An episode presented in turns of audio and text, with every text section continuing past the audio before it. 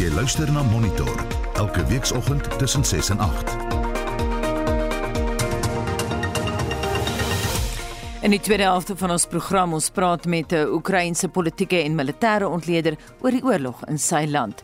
En ons hou jou deurlopend op hoogte van die vroue Proteas se wedstryd teen Nieu-Seeland. Baie welkom by Monitor. My naam is Anita Visser.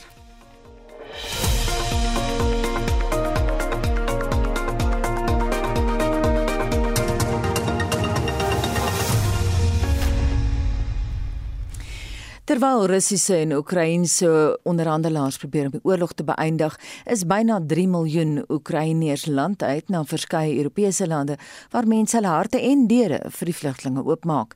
Intussen waarsku ekonome oor die gevolge wat president Putin se oorlog vir Rusland self inhou. 'n Oekraïense politieke en militêre ontleder aan die Instituut vir Sekuriteitsstudies in Pretoria, Denis Riva, moniteer die gebeure in sy geboorteland en vir sy indrukke sluit nou by ons aan. Good morning Dennis. Uh, good morning Anita. Uh, Denis, President Volodymyr Zelensky um, has publicly said that the Ukraine will definitely not seek membership of NATO. Is that not what Putin wanted? And if so, will he hmm. back down now? Um, that's that's a good question. Um, no, I don't. I don't believe that would be the case.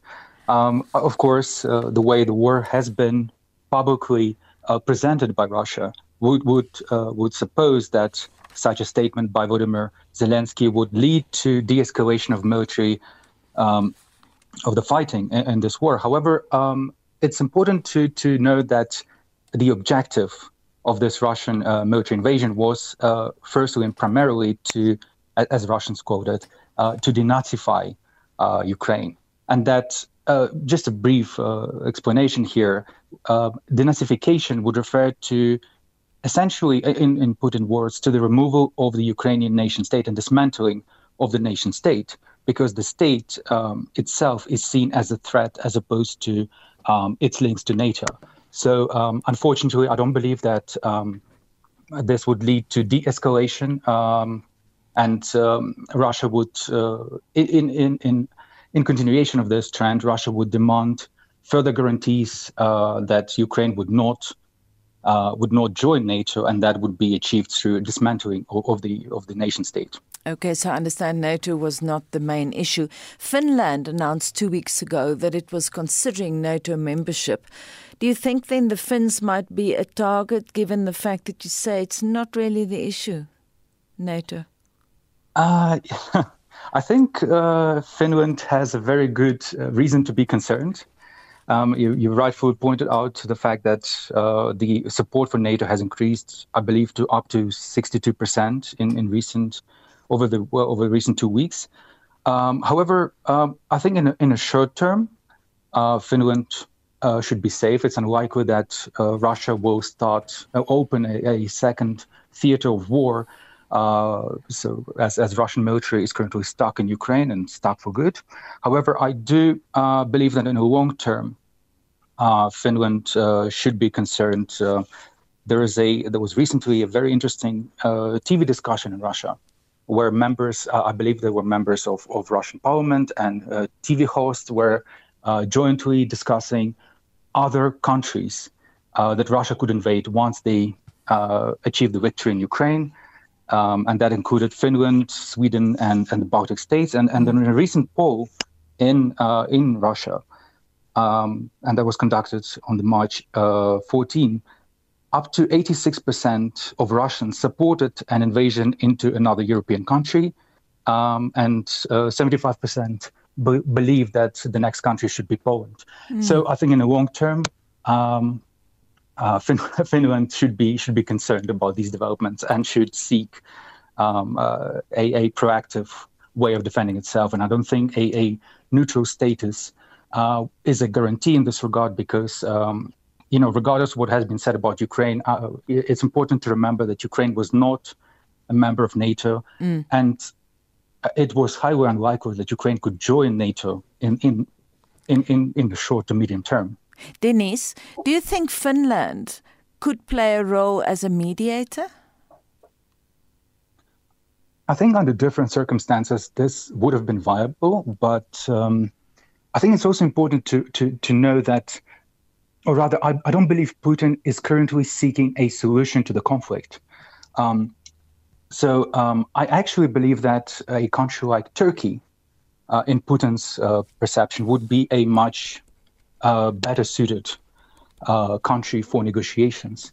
Uh, and the reason for that is I, I think that uh, Russia still Russian initial military plans failed, but Russia maintains the same objectives um, as as during the start of the war, mm. and and, cert- and certainly looking for for different ways of trying to influence Ukraine and uh, President Zelensky to to coerce them or convince them to accept Russian terms. Mm. So I think in that regard, uh, Turkey, uh, having on the one hand good relationship with Ukraine and strong uh, relationship and on the other hand, having being a regional power with far-reaching hmm. interests mm. that that intercept with with uh, Russian interests, I think Putin will try to use Turkey's position to leverage influence over over Zelensky. And of course, in that regard, uh, Finland would not be a viable hmm. candidate. Dennis, Russia could be on the brink of a foreign debt default. Will that economic threat force Putin to withdraw? I think this would be a very a, a crucial factor because uh, one fact that uh, is is often not discussed publicly is the fact that a lot of Russians support this war, and they uh, overwhelmingly. Um, in the first week after the war started, the, the public support for Putin has increased by by ten percent, from sixty percent uh, before the war to seventy percent now. A lot of Russians support the war, but it's important to know that uh, they likely support this war because of the way it was sold to them as a quick military operation with limited uh, casualties on, on this among civilians and military personnel uh, that will finish quickly. But the the moment um, this initial uh, initial um, feeling of of um, or this initial um, uh, stage of war passes, uh, people will start wondering, uh, what what are we doing in Ukraine? And is it worse? Mm. Uh, are the economic economic consequences of this war worse the efforts? Mm. And I think this will be a really turning point.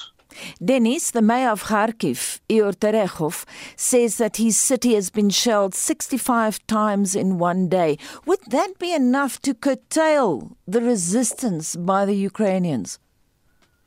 I don't believe so. I think, um, in fact, it, it had surprising uh, opposite effect. So if you look at the battlefield in Ukraine right now, most cities that are being besieged are the so-called Russian-speaking uh, cities, the ones that were considered by by Russia to be most uh, most uh, having the highest support for for uh, for the uh, for the state. I mean, um, not surprisingly, they tried to target these cities to to try to because they expected these cities would fall quickly because of the Russian support. So one interesting trend we saw in Ukraine currently, uh, we're seeing in Ukraine, is that a lot of the pro-Russian parties that were originally pro-Russian, were, were supporting a Russian narrative for the past eight years, are now coming out and in support of Ukraine. So we're seeing a different trend. It seems that this this shelling and the and the cruelty of war has actually um, reduced the support for, for Russia in, in Ukraine. So we it's likely that it's it's highly unlikely that uh, the support will be broken anytime soon. Mm-hmm. The UN Secretary General Antonio Guterres said yesterday it's never too late for diplomacy. Meanwhile, the Ukrainian negotiator Mikhailo Podolak has said that there is some space for compromise. What does he mean by that? Hmm. No, there's. I, I think what he means is that Ukraine is ready to negotiate and ready to make uh, make concessions. However, again, I, I, while I agree that it's uh, it's important, I think it's important to also know that it doesn't seem like there is a win-win situation out of this war. Uh, unfortunately, Russia has gotten itself in such a situation where Russia and Putin cannot go out of Ukraine uh, because it will destabilize Russia. But at the same time, any concession, any major concession that would involve uh, the, the threat to Ukrainian sovereignty and territorial integrity would really undermine Ukraine's security in the long term. So, in that regard, I think um, the the saving grace here, the, what would really can turn the tide in the war is is the economic sanctions and and as you mm-hmm. mentioned the default, uh, which may uh, which may lead to to a more flexible position by the Russian state. But I don't believe that Russia is ready to negotiate and compromise at this stage. And of course, uh, one one-sided compromises would not lead to a very uh, good solution. Dennis, just lastly, and if you can answer shortly, the head of Russia's foreign intelligence agency, Sergei Narishkin, says the fate of the country will be decided in the coming days. A direct quote there. He also focused on the importance of Russian sovereignty. How would we, or how can we interpret this? Mm. I think it should be interpreted in two terms. Firstly, um, Russia never prepared for a long war, uh, and hence they're already seeing perhaps that the domestic support for the war may be wavering or about to waver. So they're trying to change the narrative to to to prepare Russian populace for a longer war. On the one hand, on the other hand, I think Narishkin in the same address also mentioned the fact that uh, they are very close. Russia is very close to reaching an agreement with Ukraine, which was later disproved by Ukraine. And, and he mentioned it in the context of uh, supply, uh, Western countries supplying weapons to Ukraine that may destabilize the peace negotiations. So I think uh, these these public statements is is are, are, are targeted to domestic and international uh, listeners to to basically prepare the populace for longer term war and and discourage uh, Western in, um, involvement. Thank you very much for sharing your ideas with South Africans. Dan dan die militêre ontleder aan die Instituut vir Sekuriteitsstudies in Pretoria, Dennis Riva. Wetenskaplikes aan die Universiteit van die Wes-Kaap het 'n opgedateerde DNS-profielstel ontwikkel om seksuele oortreders oortreders liewer te identifiseer en die stryd teen seksuele misdade op stoot te gee. Mitsi van der Merwe het meer. Geslagsgebaseerde geweld word as die tweede pandemie in Suid-Afrika bestempel. Volgens die jongste misdaadstatistieke is meer as 11000 verkrachtings tussen Oktober en einde Desember verlede jaar aangemeld. Die oorweldigende meerderheid van slagoffers is vrouens. Die universiteit sê die Unique Typer A10 DNS profielstelsel wat meer as 2 dekades gelede deur navorsers by die instansie ontwikkel is, is ontwerp om te help om oortreders van seksuele aanrandings en geslagsmisdade te identifiseer deur tussen manlike en vroulike DNS te onderskei. Die opgedateerde profielstelsel gaan egter 'n stap verder, sê die IWK se woordvoerder, Gasant Abader. This profiling kit is able to do that, where it can distinguish the male DNA from the female DNA, but take it a step further than that, where there's more than one accused, and identify DNA between males, even if they're related like brothers. So, the Hollywood idea of using DNA in crime fighting, especially where rape cases are concerned, is that you can take a swab, stick it in a computer, and then a picture will pop up of a suspect. Unfortunately, it's a lot more complicated than that. Volgens Abader is die toerusting ontwikkel na aanleiding van 'n studie wat die DNS van sowat 2000 Suid-Afrikaanse mans gebruik het wat in 16 verskillende etniese groepe geïdentifiseer is. And for the first time, what is exciting outside of the crime fighting bubble is that we can now look at unique ancestry of South Africans and Africans in the Southern African region. And that's quite exciting for the university. We see ourselves as a research led institution with a special focus on relevance not only in the local and national context but internationally as well. And we try and achieve research that is relevant to addressing sustainable development goals, the 19 as set by the United Nations. Abader sê die landwyse agterstand van DNS-toetse benadeel die howe se vermoë om oortreders doeltreffend te vervolg. There's not a lot of faith in the criminal justice system at the moment in terms of solving cases like rape, and that in turn leads to an underreporting where victims don't feel that their cases will be prosecuted. We believe that this is going to be a massive breakthrough in terms of addressing the high rates of uh, under prosecution and under reporting as well. Daar word beplan om die stel in samewerking met plaaslike en ander Afrika vennote kommersieel te vervaardig. Dit is nog onseker wanneer polisie laboratoriums die opgedateerde toerusting in gebruik sal neem. Sagri Chetty het hierdie verslag saamgestel. Mitsi van der Merwe, SAK nuus. Jy luister na Monitor elke weekoggend tussen 6 en 8. 7:30 en in die nuus kom Air kan weer vlieg nadat die opskorting van sy bedryfslisensie opgehef is. Die rand het tot onder R15 teenoor die dollar versterk en die jongste oor die wedstryd tussen die Proteas en Nieu-Seeland bly ingeskakel.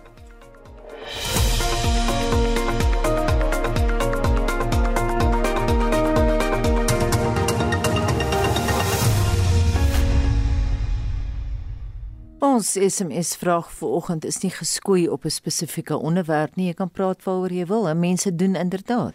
Inderdaad. Rex Bester skryf die brandende kwessie is brandstof wat ons almal se sakke gaan brand. Daar's geen opsie vir die verbruiker nie. Drie faktore is bepalend: olieprys, rand teenoor buitelandse valuta en Rusland-Oekraïne krisis. Is daar dalk ver verligting vir verbruikers met die regering wat die brandstofheffing tydelik gaan opskort?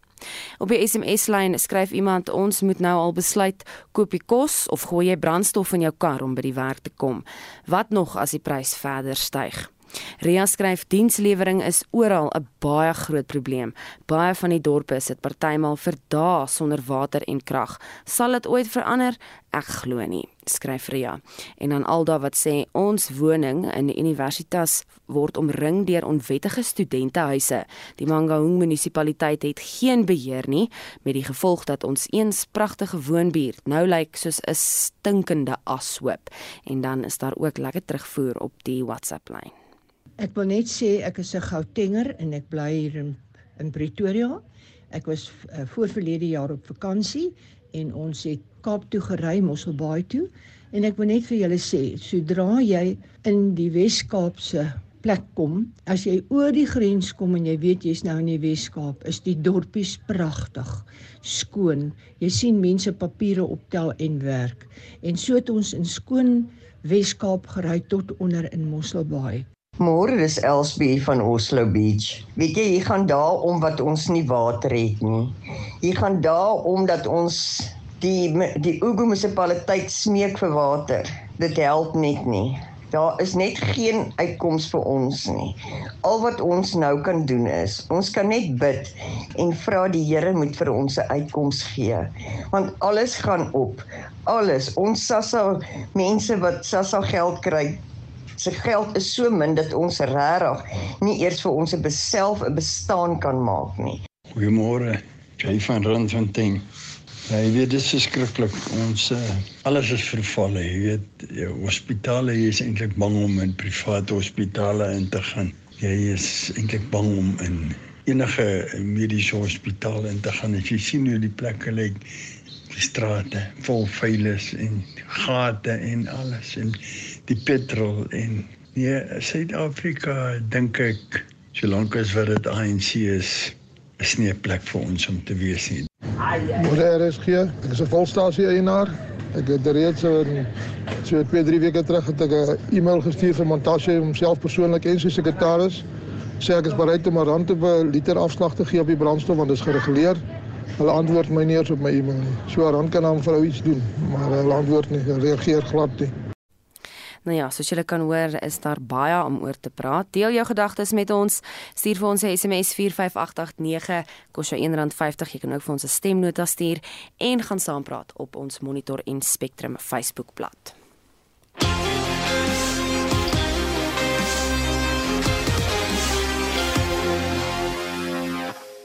Hier is Shaun Jooste met vanoggend se sporthoogtepunte. Alle oë is op die cricketveld op die vroue eendag wêreldbeker toernooi in Nieu-Seeland gerig waar die Proteas teen die gasheere kragte meet.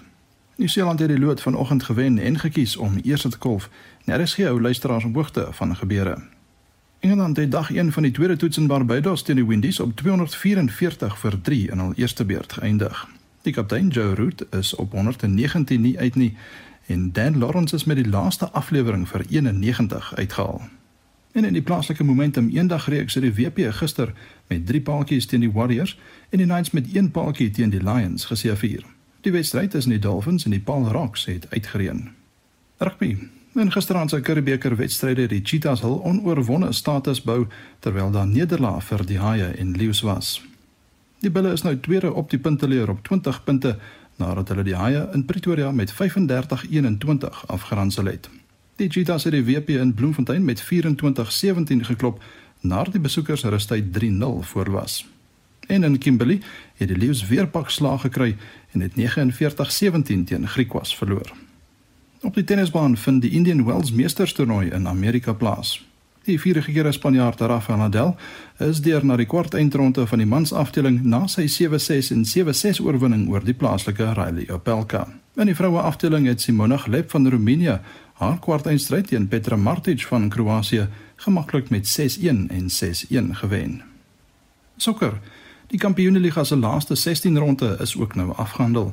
In gisteraand se laaste twee wedstryde het Chelsea weg 2-1 teen Lille en Villarreal ook weg 3-0 teen Juventus geseëvier. Hulle kry ook die laaste twee plekke in die kwartfinale. In die Europese liga se laaste 16 ronde kom Bayer Leverkusen vanaand teen Atalanta, Galatasaray teen Barcelona, Lyon teen FC Porto en West Ham United teen Sevilla te staan om net 'n paar te noem. In die Engelse Premier League het Arsenal gisteraan 2-0 teen Liverpool en Brighton en Hove Albion ook 2-0 teen Tottenham Hotspur verloor. Liverpool is nou net 1 punt agter Manchester City op die punteleer. Everton draf vanaand kwart voor 10 teen Newcastle United op die veld uit. Dan het gisteraan se DStv Premier League wedstryde 3 gelykop uitslae opgelewer. Dit was 2 elk tussen Orlando Pirates en SuperSport United, 1 elk tussen Sekhukhune en Maritzburg United en 0 elk tussen Marumo Gallants en Chippa United. En laastens op die golfbaan slaan die PGA Tour se Welspar Kampioenskappe vanmiddag 20 voor 2 in Palm Harbor in die VSA af. Die veld bevat 5 van die wêreld se top 10 spelers, maar dit sluit nie die nommer 1 Gon Ram van Spanje in nie. Die vier Suid-Afrikaners wat deelneem is Louis Oosthuizen, Christian Besaidnout, Brandon Grace en Charles Schwartzel. Die plaaslike Sam Burns is die verdedigende kampioen. Die Stein City Kampioenskappe wat deel vorm van die Sonskyn en DP Wêreldreeks het bietjie meer as 'n uur gelede reeds begin. Daar is 'n hele reeks Suid-Afrikaners wat deelneem en dit sluit Dean Burmester, Oliver Becker, Justin Harding, Wilco Ninaber, Sean Norris, JC Ritchie en Daniel van Tonderen. En die vroue Europese toer se Saudi internasionale toernooi het oor kort na 6 reeds afgeslaan. Die Suid-Afrikaners in die veld is Leon Pace, Nicole Garcia en Stacy Bregman. Shaun Schuster, RSG Sport. En nou praat ons verder sportsake met Hendrik Kronje, hy's rapportse spesialis rugby skrywer. Goeiemôre. Môre aan die luisteraars. Hendrik, die Vrystaat steeds onoorwonde in die Karibeker toernooi. Is jy verbaas? Ja, ek is verbaas nie. Ek dink hulle speel voortdurend met hulle A-span as mense nou so kan stel terwyl van die ander groter unies uh soms van hulle uh, spelers wat in die Verenigde Rugby Kampioenskap speel, nie in die Karibeker speel nie. Maar die Cheetahs doen baie goed en ek dink selfs as die ander span op volsterkte is, ek verwys nou na die Bulle, die Haie, uh die Lions en die WP, uh, sal die Vrystaat goed doen en ek dink die Vrystaat is stewig in die wedloop om om vanjaar die Karibeker te wen en ek dink twee spelers wat 'n groot invloed het op die Vrystaaters se stoning is Fransstein die ervare Fransstein veral met sy skopskoen en algemene spel en dan Roan Pinaar hulle gee leiding vir die Vrystaaters en hulle lyk in die stadion baie goed. Die Leeu's het weer pak slag gekry en die keer teen die Griekwas. Die Leeu's dink ek sien 'n moeilike fase. Hulle hulle baie goeie jong spelers, hulle jong span is sowys nou onder 20 span is die voorlopers in die Suid-Afrikaanse reeks. Hulle is nou 3 wedstryde nog onderwonne en daai leeuspan wat gisterand teen Griekwas gespeel het, het jong opkomende spelers soos Jared uh uh uh, uh Kearns en 'n uh, um, Roan Venter en 'n uh, Jurich Klaas en 'n uh, paar jong belowende spelers gebeur kom waar Griekwas 'n mooi gevestigde span is en Griekwas het ook 'n baie goeie afrigter in Pieterberg meer daar nou iets fout is met die Leeu se afrigting span nie. Ek dink hierdie Leeu stee aan jonger spelers nogal kans en dit hulle kort nog 'n bietjie ervaring om om met groter gesag uh, 'n mee te ding waar Griekwas 'n meer gevestigde span is met senior spelers soos Simon Westraat uh, wat 'n groot verskil in daai span maak wat die die leeusak senior spelers soos Janie Du Plessis gehad en uh, maar dinge werk net nie vir daai leeu span uit op die oomblik nie en Griekwas is 'n meer gevestigde span in my oë. En die bulle het die haie oortuigend geklop, né? Ja, ek dink hulle het 'n duidelike boodskap uitgestuur met die span wat hulle gekies het vir gisteraand se wedstryd. Hulle het 'n span baie na hulle sterkste span gekies, bedoelende hulle het amper hulle A-span gekies om die Karibeker te speel wat mense duidelike boodskap uitstuur dat die bulle graag die Karibeker wil wen. Uh daai titel van hulle wil behou waar die waar die Haie nie met hulle A-span gespeel het nie. Daai wedstryd was vir 'n lang stadium baie gelyk op wel dit was groot toestande geweest ons 'n nat speelveld geweest maar ja die bulle het baie goed gedoen uiteindelik was dit uh, was dit ervare spelers soos Harold Foster die center uh, uh Elrich Lou um Mados Tamwe uh in in Rwanda Orkie wat het verskil in daai wedstryd gemaak het die sake baie gelyk op verloop het daai ervare spelers deurgekom en daai verskil uh, gemaak het die bulle daai wedstryd kon wen En dan net laasens daar lê nou 'n hele paar plaaslike wedstryde die naweek voor. Dis nou die Verenigde Rugby Kampioenskap toernooi. Uh Anita, ons moet ons baie versigtig geraak om te opgewonde te raak oor die vier oorwinnings wat ons verlede naweek gehad het, die vier Suid-Afrikaanse spanne wat gewen het. Ja, natuurlik, ons is almal bly daaroor, uh maar ons moet ook realisties wees. Die Cheetahs in die top 14 gespeel het, het hulle ook 'n wenpersentasie van hoër hoër as 75% in hulle tye tydwedstryde gehad. Hulle kwai oor see gesukkel. Die bemoedigende deel is dat dat dat drie van ons spanne die die die Bulle Sharks en en die Stormers is nog definitief van die wedloop van die uitspelwedstryde van die Verenigde Rugby Kampioenskap. En hulle kan die naweek daai aanspraak bietjie versterk in hulle wedstryde wat hulle speel. Die Bulle uh, al drie jaar van die Stormers en die en die en die Haie dink ek hoor die naweek hulle wedstryde te wen. En as hulle in 'n uitspelwedstryde kom van hierdie van die Verenigde Rugby Kampioenskappe dink ek hulle het hulle gaan geleer het uit wat hulle fout gedoen het sover in die reeks en hulle gaan weer dinge daar wees en enigiets is daar moontlik. Maar ek wil sê ek dink dit gaan 'n goeie naweek wees vir die weer vir die Suid-Afrikaanse spanne in die in die naweek se wedstryde. Baie dankie en daai voorspelling deur Hendrik Kronje, hy's rapport se spesialis rugby skrywer.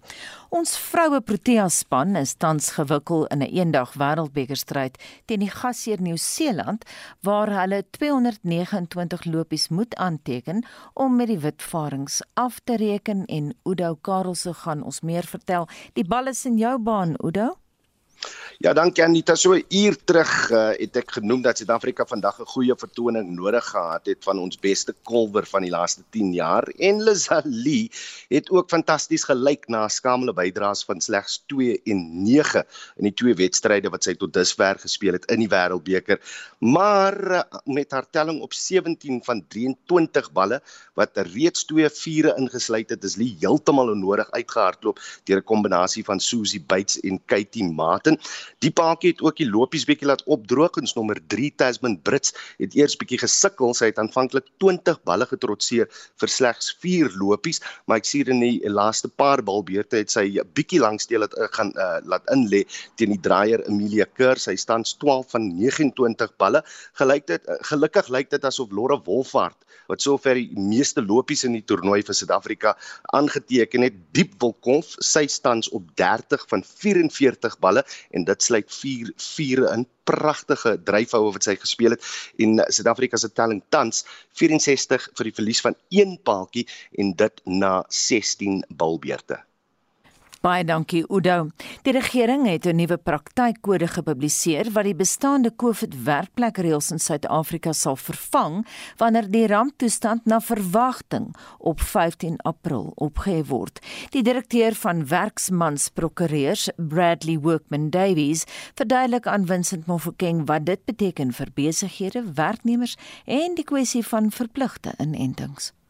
The current set of regulations, the, the current directions under that Occupational Health and Safety Act, which talk about screening when you as an employee enter the workplace, wearing of masks, social distancing, sanitization, and now mandatory vaccination policies by employers.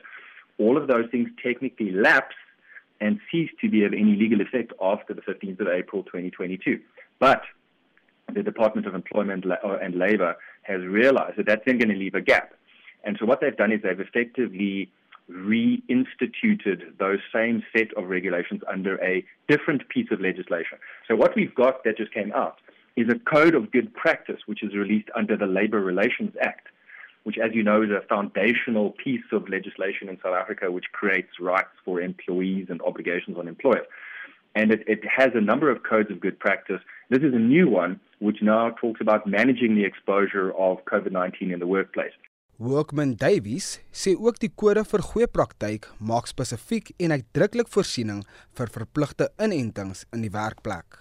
So it means that for employers they're going to continue to be entitled under this code of good practice to conduct their risk assessments, to look at their businesses, to look at their workplaces, to look at their employees, and to determine whether or not there's a need for mandatory vaccinations.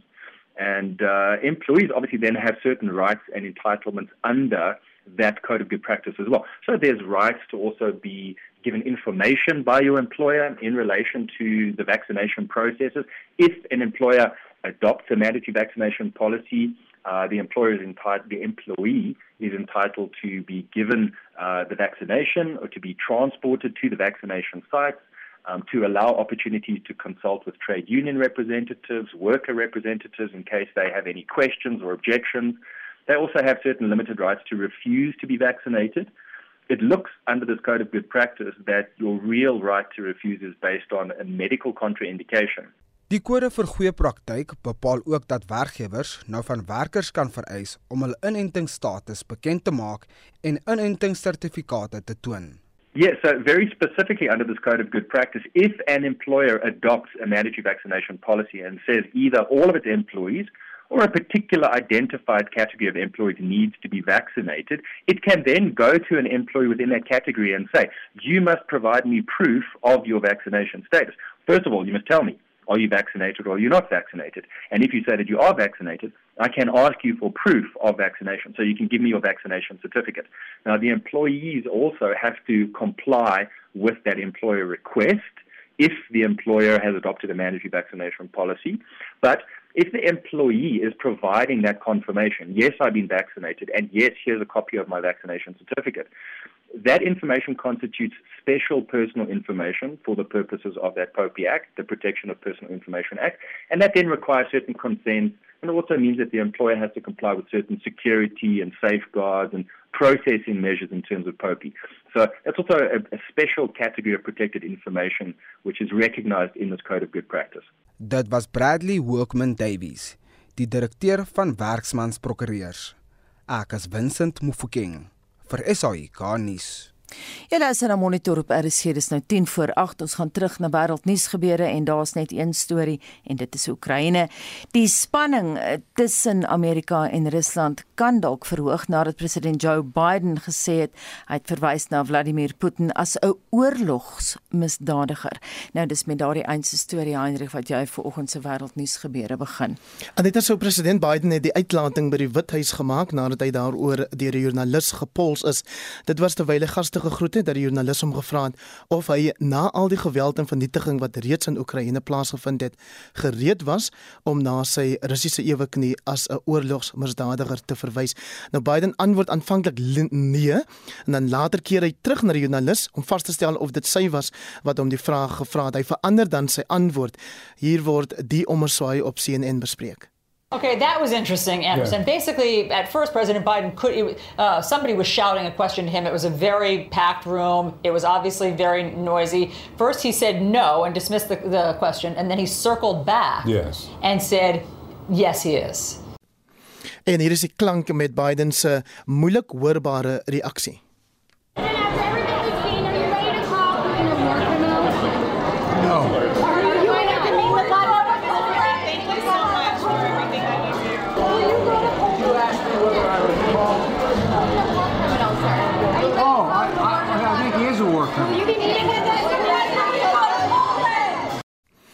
Die Kremlin het Biden se ernstige beskuldiging teenoor Putin as onvergeeflike retoriek bestempel.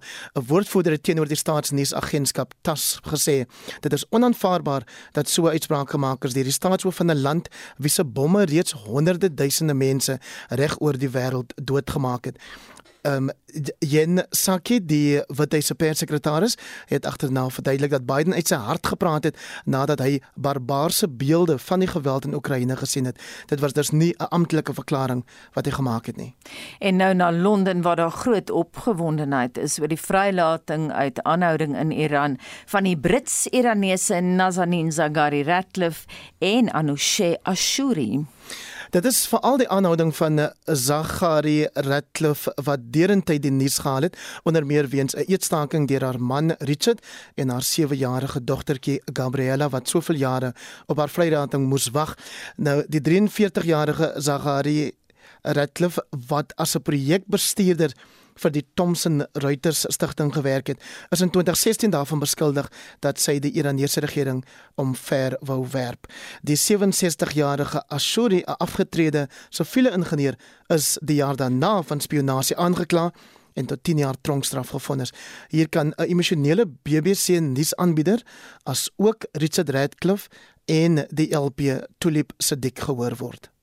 Nazanin Zaghari Ratcliffe and Anusha Ashuri heading to a, sorry, this is a moving moment because these are people who have been detained for some time.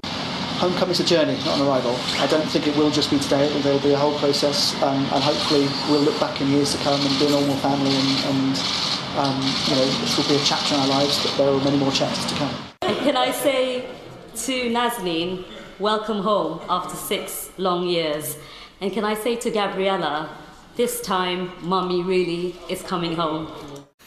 Die vrylating van Zachary Ratcliffe en Ashuri volg nadat die Britse regering historiese skuld van byna 400 miljoen pond aan Iran vereffen het, hoewel albei lande daarop aandring dat die twee gebeure nie met mekaar verbind moet word nie.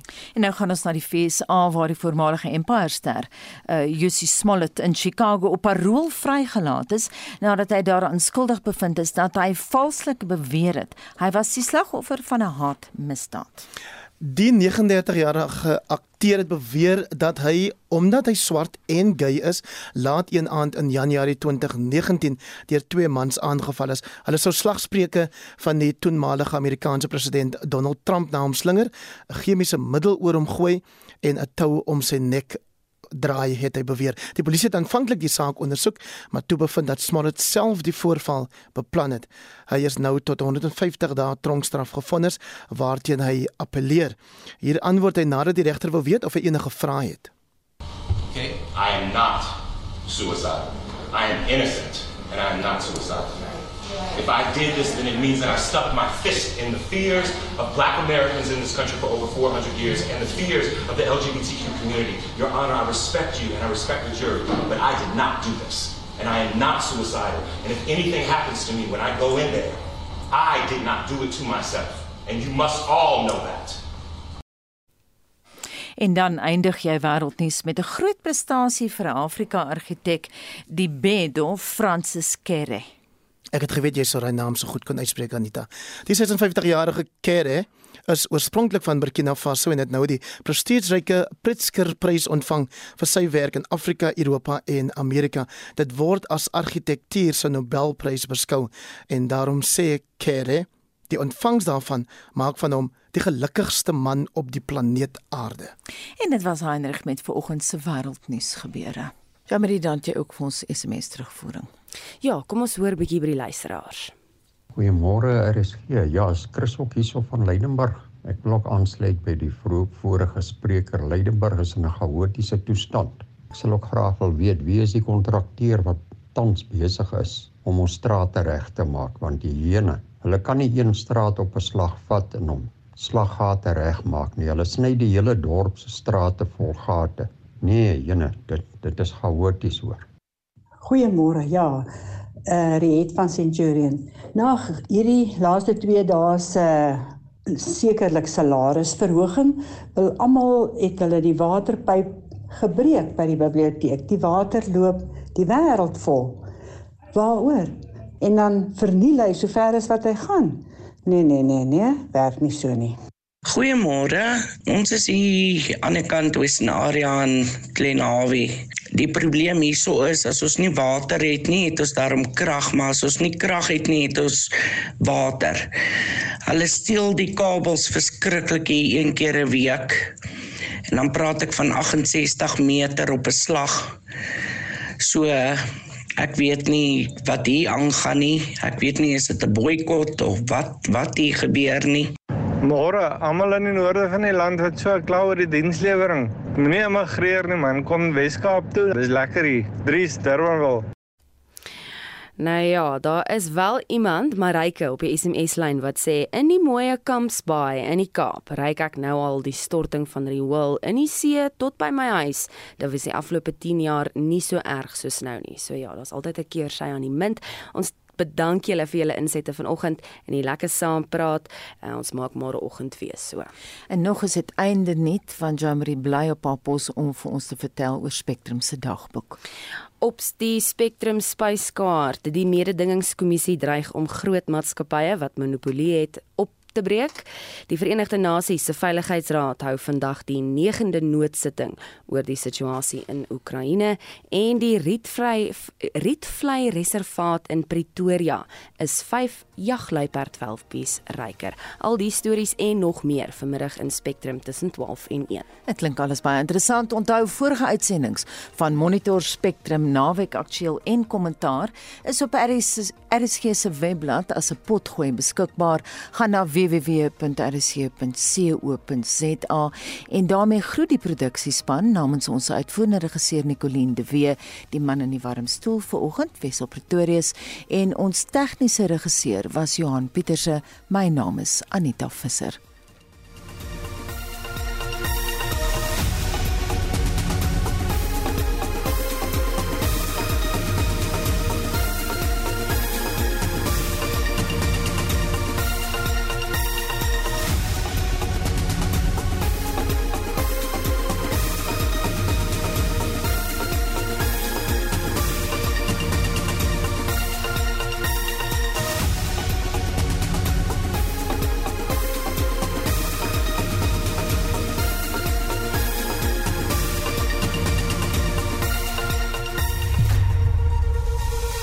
SAK nuus.